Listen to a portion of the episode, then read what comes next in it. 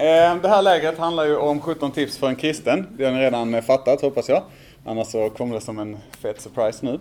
Ehm, och eh, min tanke nu när jag har förberett har varit att de 17 tipsen för, att, för en kristen är egentligen 17 tips för att bli mer lik Kristus. Eh, det är kanske inte så konstigt, det känns ganska uppenbart. Det är ändå målet med, eller inte målet, men ett av, av målen med den kristna tron, det är att bli mer lik Kristus. Um, och eh, på beskrivningen, jag gick in på hemsidan för det här lägret och så läste jag. Och då står det så här. Eh, det är egentligen rätt enkelt att bli kristen. Det är bara att ta emot och lita på det som han har gjort. Men att leva som kristen kan vara lite klurigare. En kristen vill följa Jesus, men det är inte alltid så lätt att veta hur han vill att vi ska tänka och göra och tycka och säga och bete oss. Um, och jag skulle vilja säga att det egentligen är ganska lätt att veta hur han vill att vi ska tänka och göra och säga och bete oss. Eh, tyvärr så får man inte alltid säga det man vill. Eh, så därför ska jag inte säga det, utan båda de sakerna är egentligen sanning med modifikation. Det är, på ett sätt är det väldigt, väldigt lätt att, eh, att vara så som, som Gud vill. Eh, och på ett sätt är det väldigt, väldigt svårt. Ehm, förhoppningsvis kommer vi att röra lite vid båda de sakerna nu eh, idag. Eh, jag ska i alla fall ha två pass. Det första nu kommer handla om att vara kristen i hemmet. Ehm, kan man fälla upp den här? Typ här, filmduk upp. Eh, det första kommer handla om att vara kristen i hemmet och jag har inga så här fancy skärmar som Daniel Engelbrekt. Han pratar om skärmar så han får ha skärmar. Ehm, så jag kanske skriver lite, om här finns någon penna, det finns det. Perfekt. Eh, jag kanske skriver lite, men annars så är tanken helt enkelt att ni får hänga med. Eh, och har ni någon, om ni undrar något eller så här, stopp, nu jag glömde skriva detta, kan du säga det igen?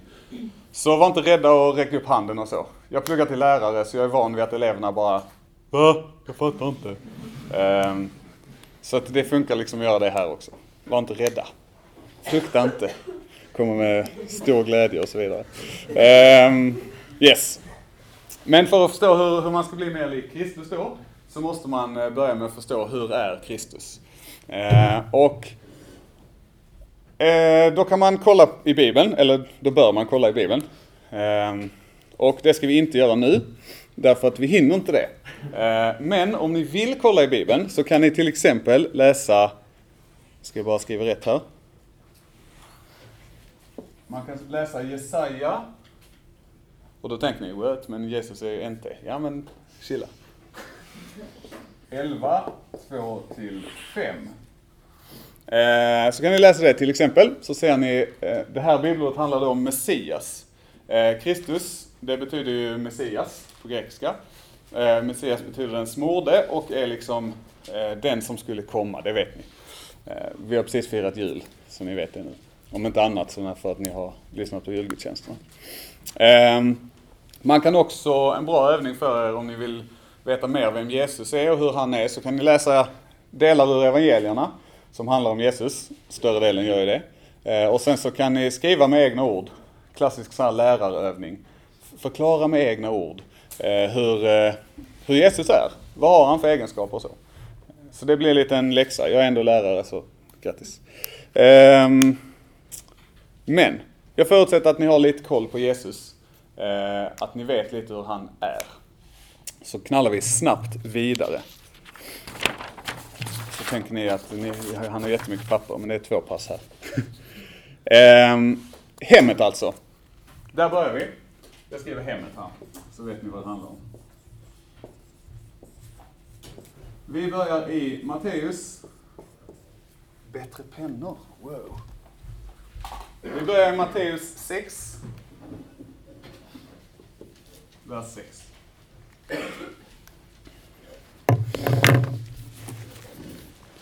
Om jag hade varit smidig nu så hade jag ju slått upp det redan.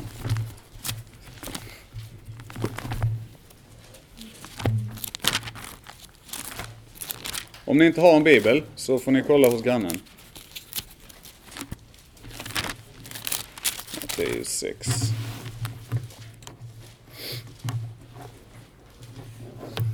Uh, eh, yes. Någon som är sugen på att läsa den? Om ni inte är sugna så kanske jag tvingar någon. Okej då, jag ska inte vara elak. Jag läser det själv. Eh, I vers 6 står det så här. Nej, när du ber, gå in i din kammare och stäng din dörr och be till din fader i det fördolda. Då ska din fader som ser i det fördolda belöna dig. Eh, vi ska alltså gå in i vår kammare när vi ber. Och om man läser i sammanhanget, det ska ni alltid göra, så kan ni se att det handlar om den här att gå in i sin kammare och be i det fördolda ställs mot de som ber öppet, liksom som ber, står i gathörnen och ber. Eh, för att folk ska se dem helt enkelt. Det ställs egentligen, skillnaden är mellan de som ber för människors skull och de som ber för Guds skull. Eller för att de tror på Gud. Ehm, och det är en ganska viktig skillnad.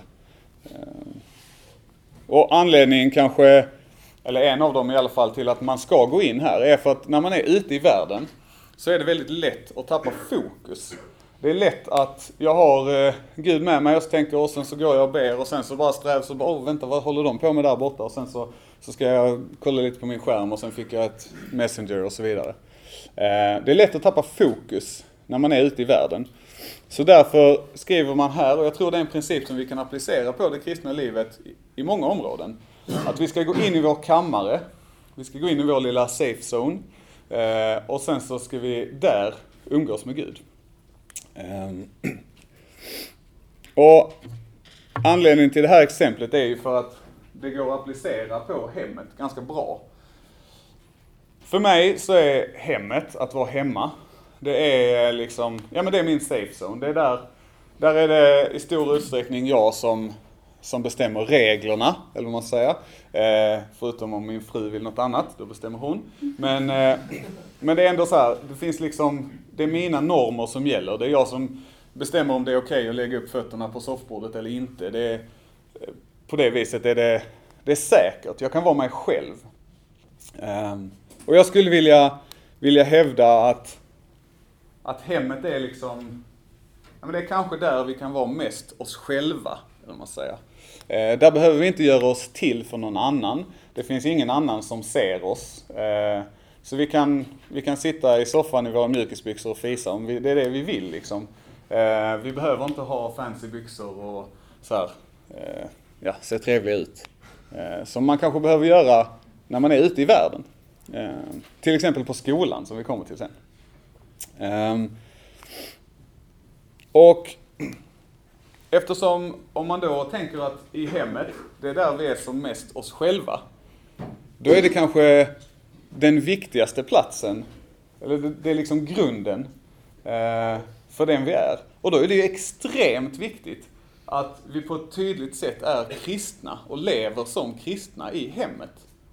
Ehm, för att om vi, om vi inte kan lita på oss själva att försöka följa Jesus när vi är som mest oss själva. Vad spelar det då för roll om vi är det när vi är ganska lite oss själva?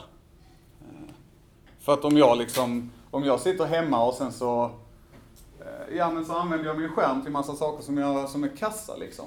Eh, hemma i min soffa.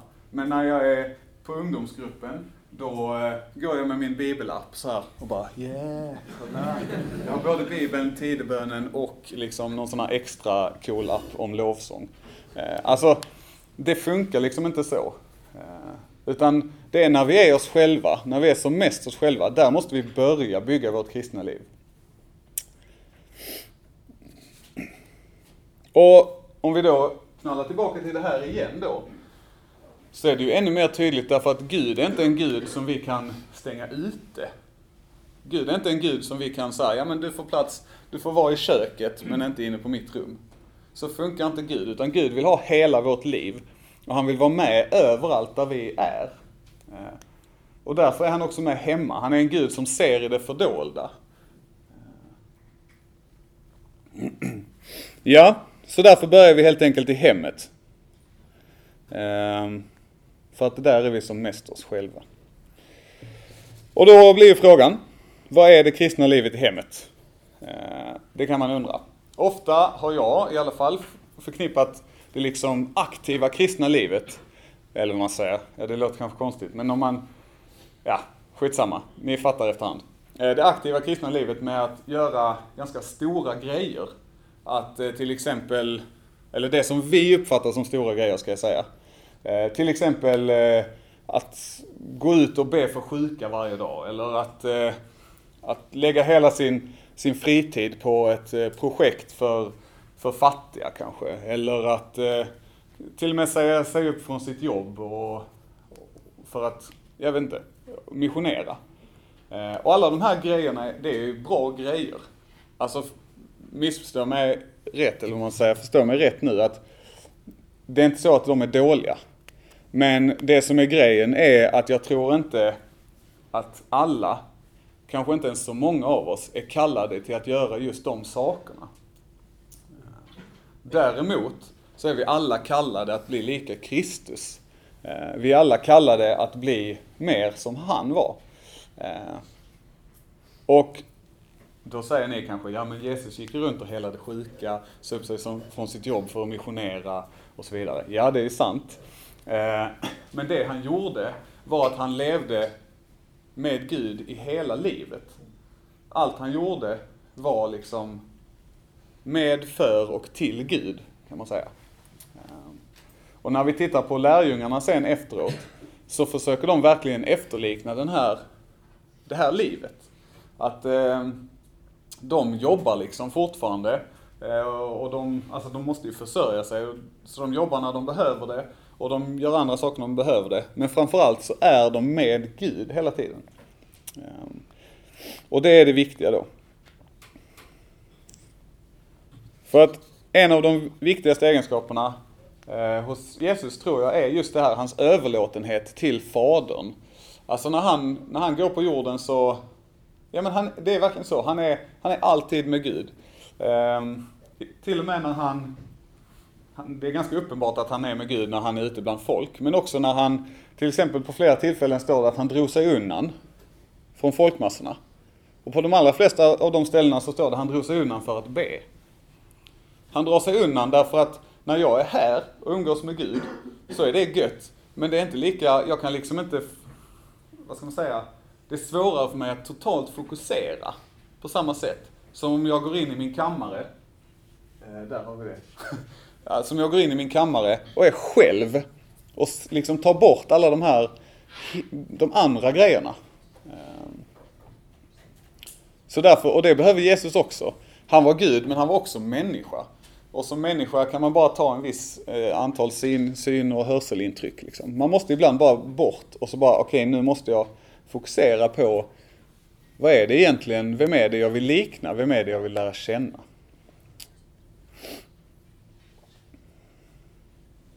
Ehm, och det innebär också att vi måste börja applicera den här tanken eh, om vad man ska göra eller hur man ska vara som kristen på mindre sammanhang. Till exempel i hemmet. Eh, vi måste applicera det på oss själva helt enkelt. Mm. Ehm. Och det är ganska ofta som man eh, i undervisning hör personer som undervisar, typ som jag gör nu, eh, prata om att ni måste be och ni måste läsa Bibeln. Och det är kanske det ni, ni tar med er nu, säger jag. Nu säger jag liksom, gå in på er kammare eh, och läs Bibeln, sitt ner, var tysta liksom, eller vad ni nu gör. Ja, behöver inte vara tysta bara för att ni är på er kammare, men, men separera er och sen så och be och läs Bibeln. Och anledningen till att man gör det, tror jag, eller en av anledningarna, det är att det du gör, vi kommer till det här i det andra passet sen, men det du gör skapar en riktning för dig själv. Eh, det du gör skapar liksom, ja men all, allt du gör påverkar dig. Eh, och allt du ser och hör påverkar dig. Och utsätter du dig då för mycket bibel och bön, ja men då kommer det bli en naturlig del av ditt liv. Och det som händer, det som står i bibeln, det kommer vara, det kommer att påverka den personen du är. Även om du inte kanske märker det. Det är inte så att du läser ett bibelord, ibland kan det vara så, men oftast är det nog inte så. Att du läser ett bibelord och sen så bara eh, känner du att oj, nu ändrades något inom mig. Så är det kanske inte. Men om du läser Bibeln i ett år och sen ser tillbaka på något du gjorde där, du började med terminen, så du började i september. Så var du på ett sätt. Och sen så tänker du det nu, när sommarlovet precis har börjat. Och så tänker du, jag skulle aldrig göra så. Jag skulle aldrig vara på det sättet. För att under det här året av bibelläsning och bön så har någonting förändrats hos dig. Eh, men ja, nu springer jag i förväg här till nästa pass. Ehm, mm. Och det är liksom, vi måste hela tiden, vi måste hela tiden välja där, även när vi är hemma. Eh, vill vi scrolla Facebook-feedet en gång till eller vill vi be tre minuter? Eh, Facebook-feedet, vi kan det nu. Liksom. Vi har scrollat det tre, fyra gånger redan. Eh, så då måste vi välja. Eh, och de valen vi tar hemma varje dag, det är de som avgör egentligen. Eh, sen kommer vi då till ett annat problem. Och det är problemet att om man sitter inne på sin kammare, så ber man och läser Bibeln, så förändras ens person, man blir en fantastisk kristen. Och man liksom, ja, man får så många bra egenskaper och så här. Och så sitter man där. Jaha, det hjälper ju ingen. Hjälp, bygger det Guds rike? Ja, det bygger Guds rike för dig och i dig. Men det kommer inte världen till del. Och därför tror jag så här att efter ett tag när man har suttit där inne på sin kammare i ett år ungefär och bett och läst Bibeln och ingen har hört från en liksom. Så eh, Gud har kanske svarat på den, den ena bönen och den andra och sen så plötsligt så svarar han och så säger han Gå ner för trappan och hjälp mamma med disken. Därför att jag tror att det här som vi skapar hemma, det är liksom inte till för mig bara. Utan det vi skapar är ett liv som kristna och livet innebär att man är utanför sin kammare också. Ehm. Alltså, det jag menar här är inte heller att, eller vi börjar om. När man går ner och hjälper mamma då, Gud säger till dig, gå ner och hjälp mamma med disken. Så går du ner och så tänker du, nu ska jag hjälpa mamma med disken. Så gör du det därför att du älskar Gud och han vill att du ska göra det. Men också därför att du kan visa den kärleken till din mamma, eller din pappa, eller din syskon, eller vem det nu är som egentligen skulle ta hand om disken. Ehm, du kan visa kärlek till de personerna hemma. Ehm, och det är, inte så att, det är inte så att det blir roligare att städa, eller diska, eller tvätta, eller vad man nu gör. Eh, städa toaletten. Det blir liksom aldrig kul. Men det handlar inte om det. Utan det handlar om att jag kan göra det istället för att min fru ska göra det. Hon tycker det är lika tråkigt. Alltså det är lika jobbigt för henne. Ehm, det är lika jobbigt för mamma eller pappa att dammsuga vardagsrummet som det är för mig. Det är lika tråkigt. Ehm, men jag kan visa min kärlek till de personerna och jag kan visa på ett exempel på så här Alltså det är den här klassiska, what would Jesus do? Vad hade Jesus gjort om han satt hemma och bad på sin kammare? Jo, han hade gått ner och dammsugit vardagsrummet. För att det är någonting som hjälper människor. Som visar kärlek och som visar att här vill jag underlätta för dig, jag vill hjälpa dig. Och det är kanske, nu vet jag inte om era föräldrar är kristna eller så, men det kan göra en så frågar de, varför gör du detta? Jo, det är för att Jesus har dött för mig som jag gör detta. Och det låter ju som ett så här enormt hopp. Men det är det inte. Därför att det som Jesus gjorde på korset, det är det som har skapat den personen du är nu. Därför att du har läst om det, du har lärt känna den personen som dog på korset. Eh, och det har förändrat dig. Och det vill du att dina föräldrar, dina syskon ska få eh, överleva, ska få uppleva. Eh, Mm. Ehm. Och när vi är hemma då, jag tänker, för mig är det lite annorlunda, för att mina föräldrar bor inte hemma, där jag är, så att säga. Mitt hem är något annat än mina föräldrars hem. Men för er, de allra flesta, eh, så bor ni ju hemma hos era föräldrar. Eh, och det finns en del undervisning i Bibeln om just föräldrar och hur man ska förhålla sig till dem. Och det tror jag är en väldigt viktig del av att vara kristen i hemmet. Eh, för att, och, ja, ni kan nog räkna in syskon på det mesta här också, inte riktigt allt. Men att, därför att det är de du har, det är din nästa. Vi alla kristna är kallade till att älska vår nästa och hjälpa dem liksom så här. Eh, och vår nästa beskriver ju Bibeln som egentligen vem som helst som kommer i vår väg. Eh, och bor man hemma med sina föräldrar så är ens föräldrar i ens väg ganska ofta.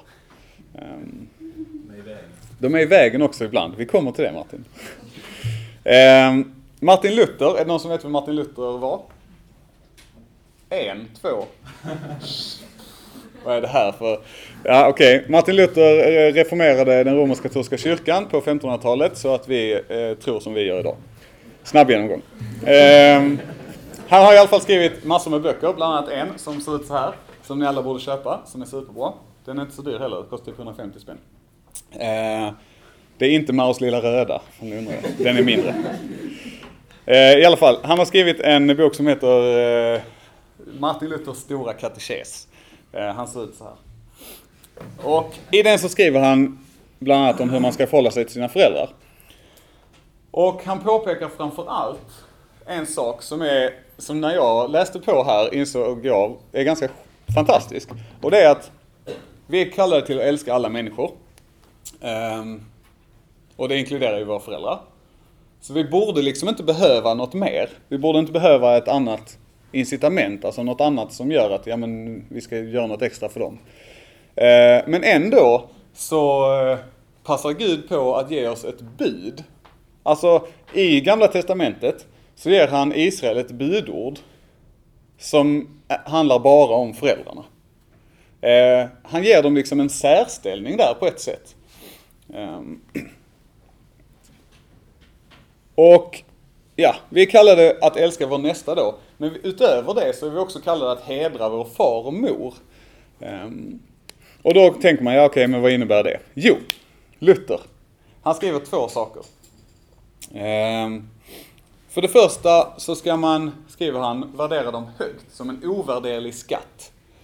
Eh, och det är kanske inte så lätt alltid. Men eh, han skriver att man ska, jag läser till här. Man ska vara hövlig och inte tala häftigt till dem, inte tränga sig på med krav eller vara oförskämd. Eh, och det tänker ni att ja, men det är typ så allmänt normalt beteende. Eh, men det är lite svårt ibland när man, just med föräldrar. Alltså jag vet, jag var en eh, ovanligt skrikig tonåring, eh, kan man nog säga. Eh, jag och pappa bråkade jättemycket. Eh, och det var inte kul för mig och det var inte kul för honom. Eh, och framförallt så tog det tid sen att, att fixa den relationen. Eh. Så att om jag istället hade läst lite Martin Luther när jag var 15, tips, eh, så, så hade jag kanske insett att jag ska backa nu. Eh, det är liksom genom att, att ge min pappa rätt. Genom att säga okej okay, men nu är det du som bestämmer. Du är min pappa. Jag hedrar dig, jag ärar dig genom att Genom att ge dig rätt, genom att inte vara störig, oförskämd, komma med krav, sådana grejer. Ehm, så kanske det hade blivit bättre. Framförallt så hade jag kanske blivit mer Kristuslik. Eh, och det är kanske det allra viktigaste. Att både jag och pappa hade fått chansen att istället för att bli mindre Kristuslika genom att stå och gorma på varandra för småsaker. Så hade vi båda fått chansen att bli mer lika Jesus, att komma närmare honom. Och det är värt alltså. Eh, Tänk på det när, nästa gång när ni ska börja kasta tallrikar och sånt där hemma. Eh, mm, sen skriver Luther vidare då. Ehm, för det andra innebär det att man ska genom sitt levnadssätt och sina ägodelar hedra och hjälpa dem. Eh, och det kanske låter som någon form av husslav. Eh, I, hemma hos mina föräldrar, när vi är hela familjen, jag har tre bröder. Alla är gifta och har barn. Ehm, så vi är sammanlagt 18 i familjen typ nu på julen. Eh, och jag har eh, under min uppväxt gått under namnet husslaven hemma. Eh, för att min yngste storbror, alla är äldre än mig, min yngste, han är 10 år äldre än mig. Eh, och det skapar ett visst avstånd och det innebär att när jag var liksom 15-16, eh, då var de så 26 till 30. Eh, och det var ganska uppenbart då vem som skulle hämta saker. Vem som skulle liksom fylla på vattenflaskorna, vem som skulle eh, gå ut med soporna och så här. Ja, det var husslaven. Um, ehm, det är, inget, det är liksom inget ni vill, ni vill eftersträva.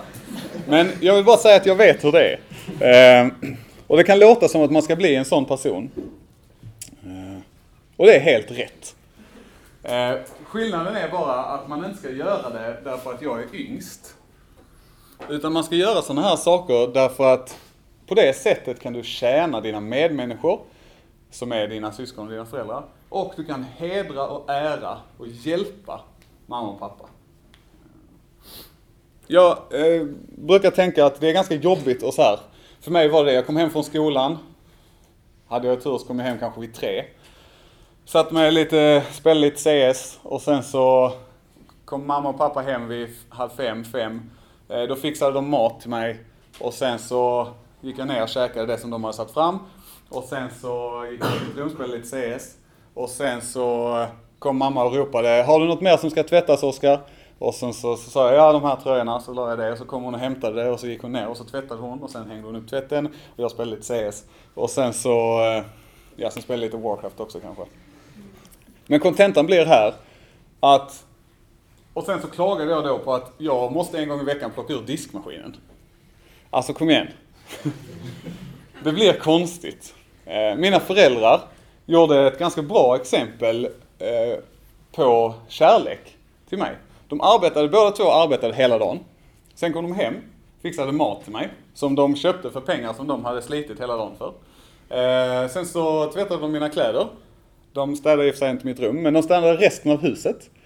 Ehm, de körde mig till eh, fotbollsträningarna när jag var liten och inte kunde cykla själv. Och eh, de eh, kom på mina matcher och tittade. Eh, de stod i sekretariatet och i kiosken. Alla sådana grejer gjorde de för att de älskar mig. Då blir grundfrågan, varför kan inte jag plocka ur diskmaskinen en gång i veckan? Varför tycker jag det är så jobbigt? Älskar jag inte mina föräldrar? Det kan man diskutera, förhoppningsvis gör ni det. Men framförallt så borde ni göra det därför att ni älskar Kristus. Därför att han säger till er att ni ska hedra er far och er mor. Eh, och det är väldigt enkla grejer för att bli mer lik honom. Det formar er, vi pratade om det innan, att det formar er, det ni gör, det ni tänker. Om ni då börjar plocka ur diskmaskinen en gång i veckan utan att det är er tur. Eller om ni börjar hänga upp tvätten eller börjar säga, nej men mamma jag kan dammsuga idag, skit, alltså det spelar ingen roll. Eh, så blir det egentligen prioriteringsfrågor. Är det värt det för er att spela CS en kvart till? Eller att städa toaletten? Vilket gör er mer lika Kristus. För att om ni, alltså kontentan blir ju, om ni är kristna, då måste målet vara att bli mer lika Kristus. Och det blir man inte alltid av att spela CS. Utan det blir man av att göra de tråkiga sakerna som visar att man älskar sina föräldrar. Och att man tar liksom deras jobb på sig lite grann. Kristus han eh, passade på att ta, eh, ta all vår skit på sig. Supersmidigt för oss. Ehm, och det kan inte riktigt vi göra. Men vi kan ta lite. Vi kan hjälpa våra medmänniskor. Vi kan hjälpa, vi kan hedra och ära våra föräldrar. Ehm, så nu sitter Martin och Jakob här och bara yeah, våra barn ska göra detta. Men eh, tänk på det alltså när ni kommer hem. Nu är det ett nytt år. Det blir ju extremt klichéigt, men nytt år, ny chans. Eh, tänk på det när ni kommer hem alltså. Var, eh, var mer Kristuslika. Nu ska jag bara hitta mitt tips här också. Hur jag har sammanfattat det här på ett bra sätt.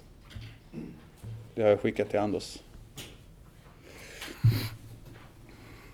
Ja, så mitt tips egentligen blir så här. För att sammanfatta alltihopa. Gå in i din kammare. Ska jag, ja, jag skriver.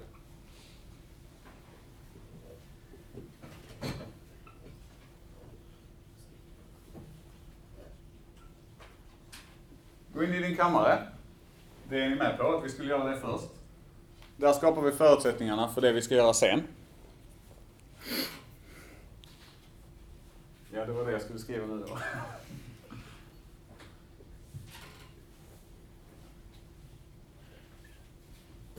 Där skapar du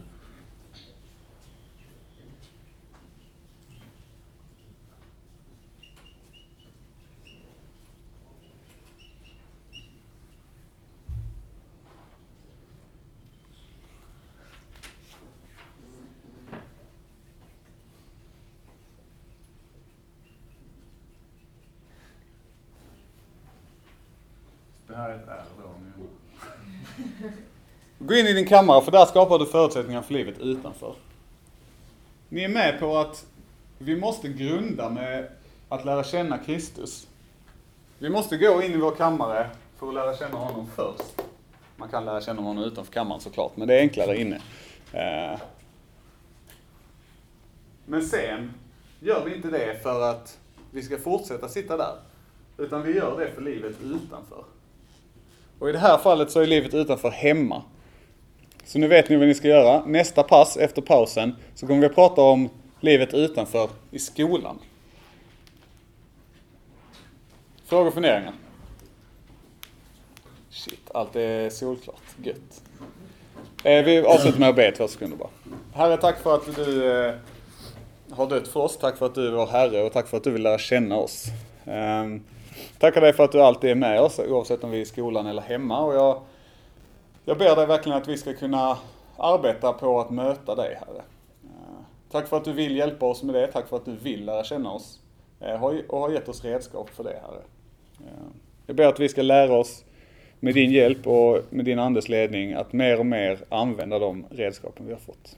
I Jesu namn. Amen.